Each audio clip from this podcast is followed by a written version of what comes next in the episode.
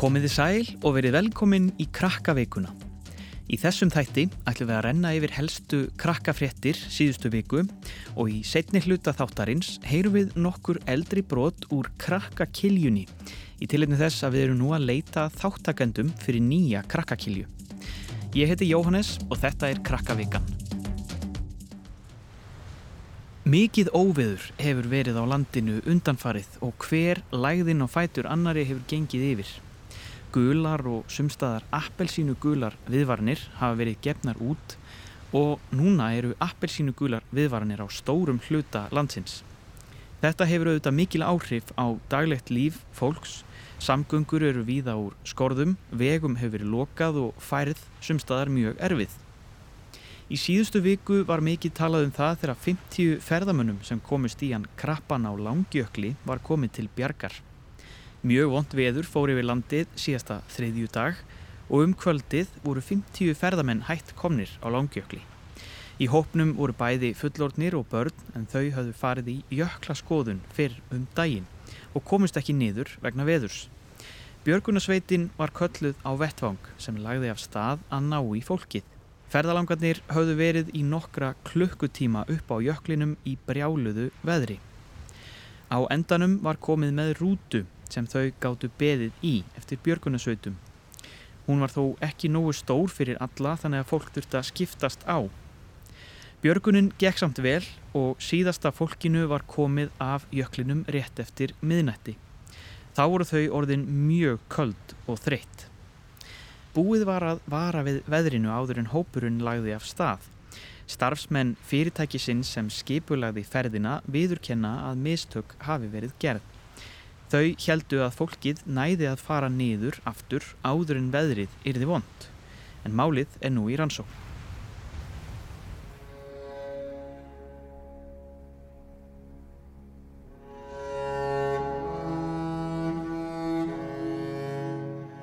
Tónskáldið Hildur Guðnadóttir fekk verlun á Golden Globe hátíðinni sem haldinn var í síðustu viku fyrir tónlistina sem hún gerði fyrir kvikmyndina Joker. Golden Globe eða Gullnötturinn eru kvikmynda og sjónvarpsverlun samtaka erlendra fréttamanna í Hollywood í bandaríkjunum. Þau eru mjög virt og þykja að gefa góða vísbendingu um hvaða bíómyndir hreppa Óskarsvelunin sem eru veitt í februar. Hildur er önnur konan sem fær Golden Globe velunin fyrir frumsamta kvikmyndatónlist og svo fyrsta í 20 ár. Hún er líka fyrsta konan sem er verlunuð einn en ekki sem meðhöfundur. Hún er annar Íslendingurinn sem fær velunin en Jóhann Jóhannsson hlaut þau árið 2014. Á hátíðin í ár vakti aðtikli að bíómyndir og þættir frá streymisveitum fengu margar tilhemningar eins og Netflix og Amazon og fleiri. Þær hafa rutt sér til rúms á undanförnum árum en í gegnum tíðina hafa flestar tilefningar farið til efnis sem framleitt er fyrir hefbundin kvikmyndahús og sjónvarp. Hildur hefur verið tilnæmt til fjölda veluna fyrir tónlistina sína í Joker og nú í dag var tilkynnt að hún er tilnæmt til Óskarsveluna. Þau verða afhengt 9. februar næstkomandi og það er aldrei að vita nema Hildur Guðnadóttir verði fyrsti ístendingurinn til að hljóta þau.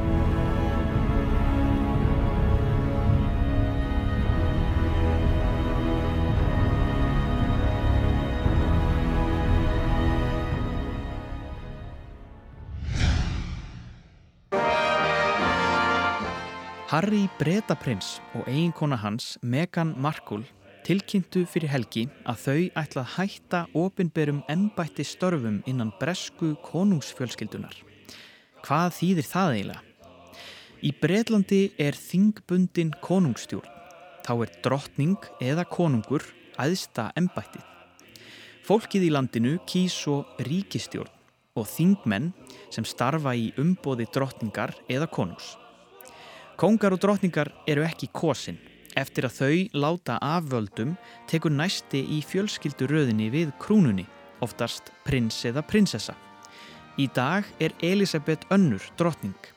Elsti sónur hennar er Karl Bretaprins og þess vegna tekur hann við krúnunni á eftir henni. Karl á svo tvo sinni, prinsina Vilhjálm og Harry, Vilhjálmur er eldri og tekur þessuna við af Karli þegar þar að kemur.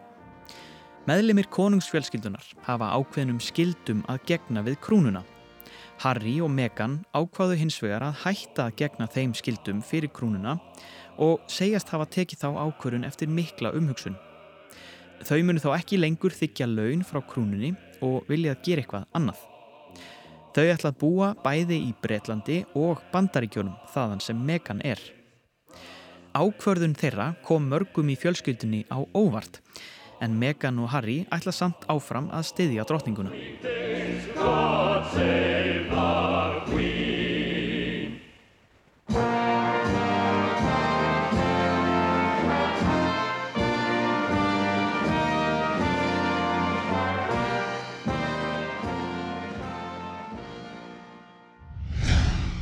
Um 5.000 manns tóku þátt í árlegu hlaupi sem haldið er í tilendni áramótana í Japan. Þeir hraðskriðustu fá titilinn Hefnustu menn ásins. Hlaupið er haldið við sólaruppbrás 10. janúar á hverju ári við helgistað Ebisu, Guðs, sjómennsku og hefni. Þáttakendur trúa og vona að efstu sætin í hlaupinu skili þeim velgengni í viðskiptum á árinu. 5.000 hlauparar keftu um hefnina í ár. Þeir hlupu frá hliði og inn í aðalsal helgistadarins og hlaupið er 230 metrar. Sigurvegarinn í ár var Yusuke Kuruki, 33 ára mentaskóla kennari sem fekk titilinn Hefnasti maður ársins, hvorki meirann í minna. Á eftir honum komu tveir hlauparar sem fengu líka hefnistitil, sem þeir næst hefnustu.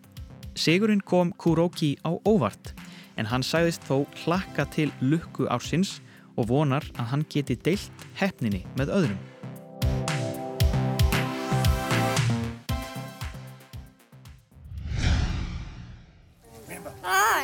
Það er kannski ekki á hverjum degi sem lögregla er kölluð til vegna miskilings og ennþá síður að það sé vegna talandi pávagögs.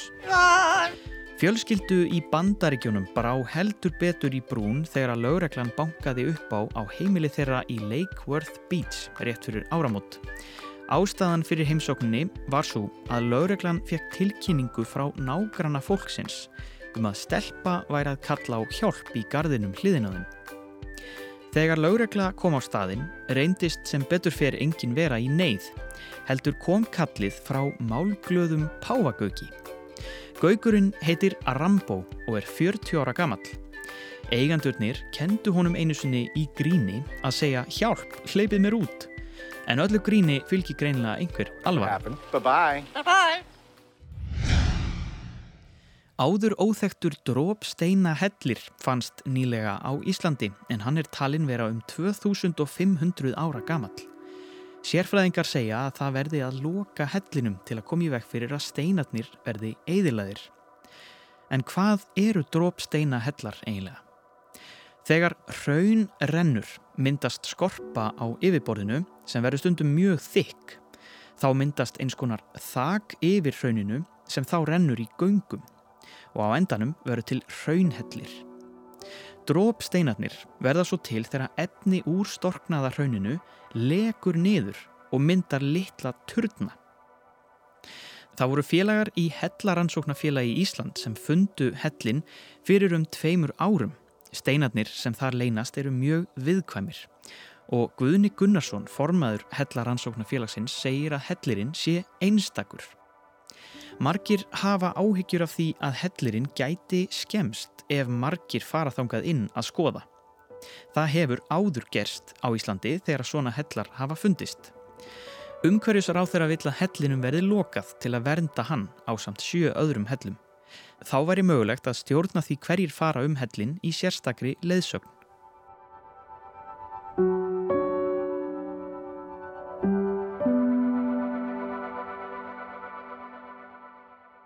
En þá að öðru.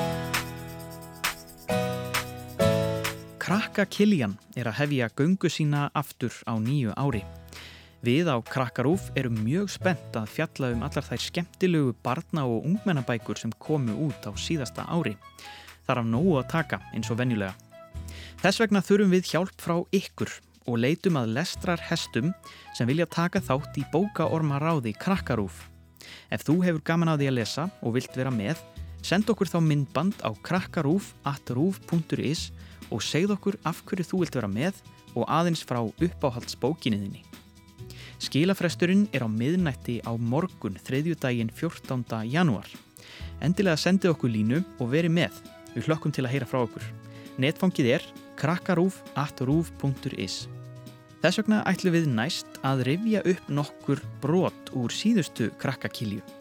Þá fengum við krakka til að lesa bækur og þau komu til okkar í efstaleitið og hittu höfundin og spurðan út í bókina.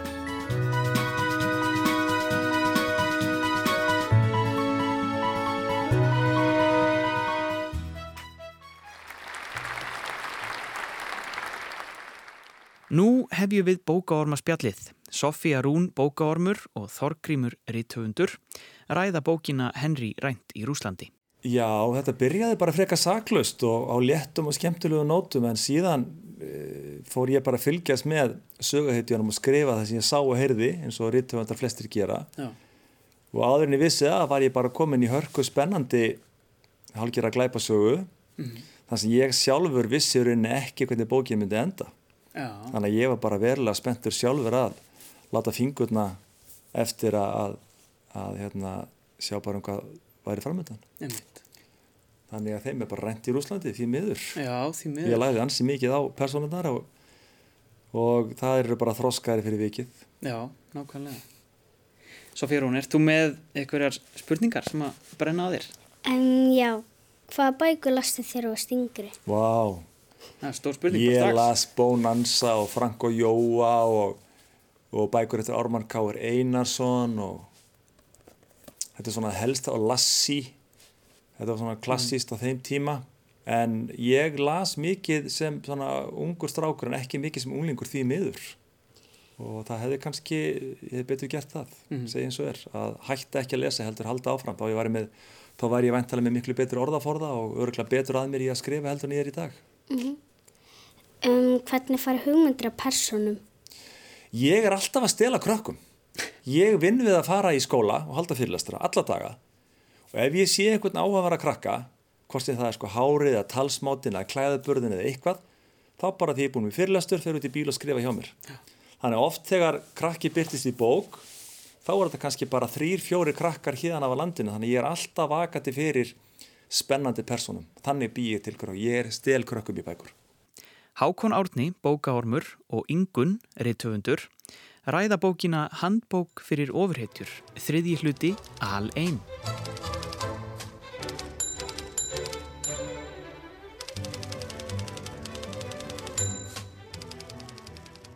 Já, hún fyllir um það að Lísa, sem er í raun og hreitjan, hún er bara bara, hún er orðin þinn vun því að vera alltaf að bjarga bænum frá skurkum mm.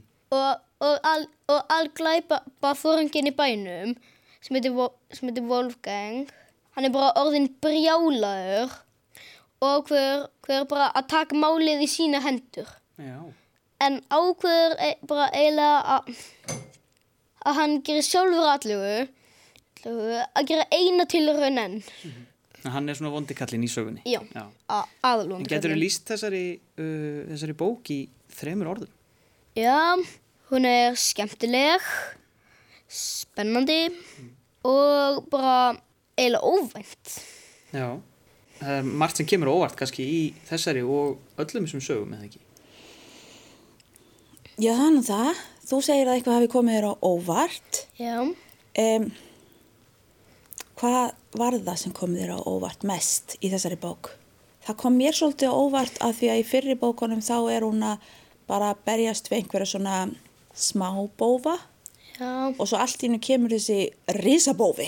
Wolfgang. Já, hann er rosavondur. Mm -hmm. Hann er svolítið mikið vondur miða við hinna, finnst mér. Og hann býr í mhm. þessum turni sem að gnæfir eitthvað starf yfir og maður veit ekki alveg hvað hann er.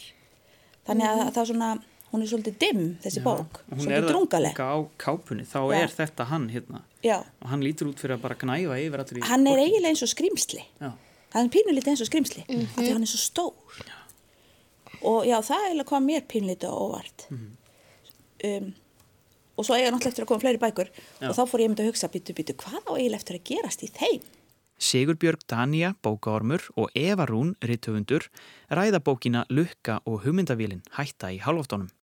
Já, hún er skemmtileg, hún er áhugaverð og hræðilegt aldrei. Hún er um lukku sem finnst rosa gaman að fekti svona hérna hugmyndavélinu okkar og hún fór í ferðalag í hérna litlu flugvél og hún fór til manns til að gistað og þar hitt hún svo aðstofanni sem var frænkina, hún er Emma og svo gerist aldrei undarlega hlutir. Sem kannski má ekki segja frá. Nei. Nei. Hvernig fegstu hugmyndina að lukku? Sko hugmyndin að lukku hún kviknaði fyrir rosalega mörgum árum síðan. Hún kom held ég fyrir 12 árum síðan og mér langaði að skrifa bók um klára stelpu og uppfinningu sem að á einhverju leiti myndi fjalla um svona hvernig maður notar ímyndunaraflið.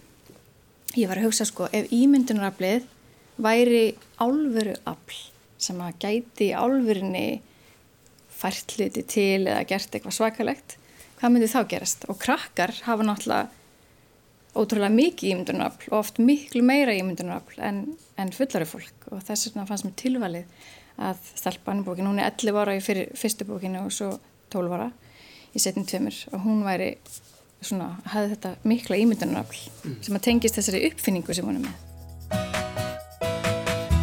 Þarna heyrðum við nokkur brot úr bókaormaspjallinu árið 2018. Við á Krakkarúf eru nefnilega að leita að hressum bókaormum til að taka þátt í nýrri krakkakilju sem hefst eftir nokkrar vikur. Ef þú vilt taka þátt, lesa bók og koma fram í sjónvarpi, skaltu senda okkur línu á krakkarúf.rúf.is og segja í myndbandi af hverju þú vilt taka þátt og aðeins frá uppáhaldsbókinniðinni. Skilafrestur er til miðnættis á morgun, þriðjudaginn 14. janúar. Hlökkum til að heyra frá okkur. En þá er ekki fleira í krakkavikunni að þessu sinni. Við verðum hér aftur að viku liðinni. Við minnum á upptaktin, tónsköpuna verlun barna og ungmenna. Útvarstættirnir Útvarp Ungrúf á 50 dögum fjalla um verkin frá því fyrra og við hvetjum ykkur til að hlusta. Þættirnir eru aðgengilegir á krakkarúf.is og í appinu. Við ljúkum þættinum í kvöld á læginu I'm Taking It Back eftir Birgi Braga Gunnþórsson og Byrnu Berg. Hljómsveit upptaktsins flytur og GTRN syngur. Þanga til næst, bless bless.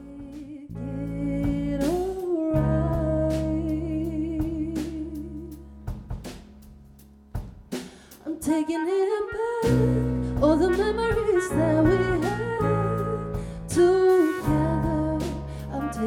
taking it back. I'm taking it back. Got the memories that we had together. I'm taking, I'm taking them back.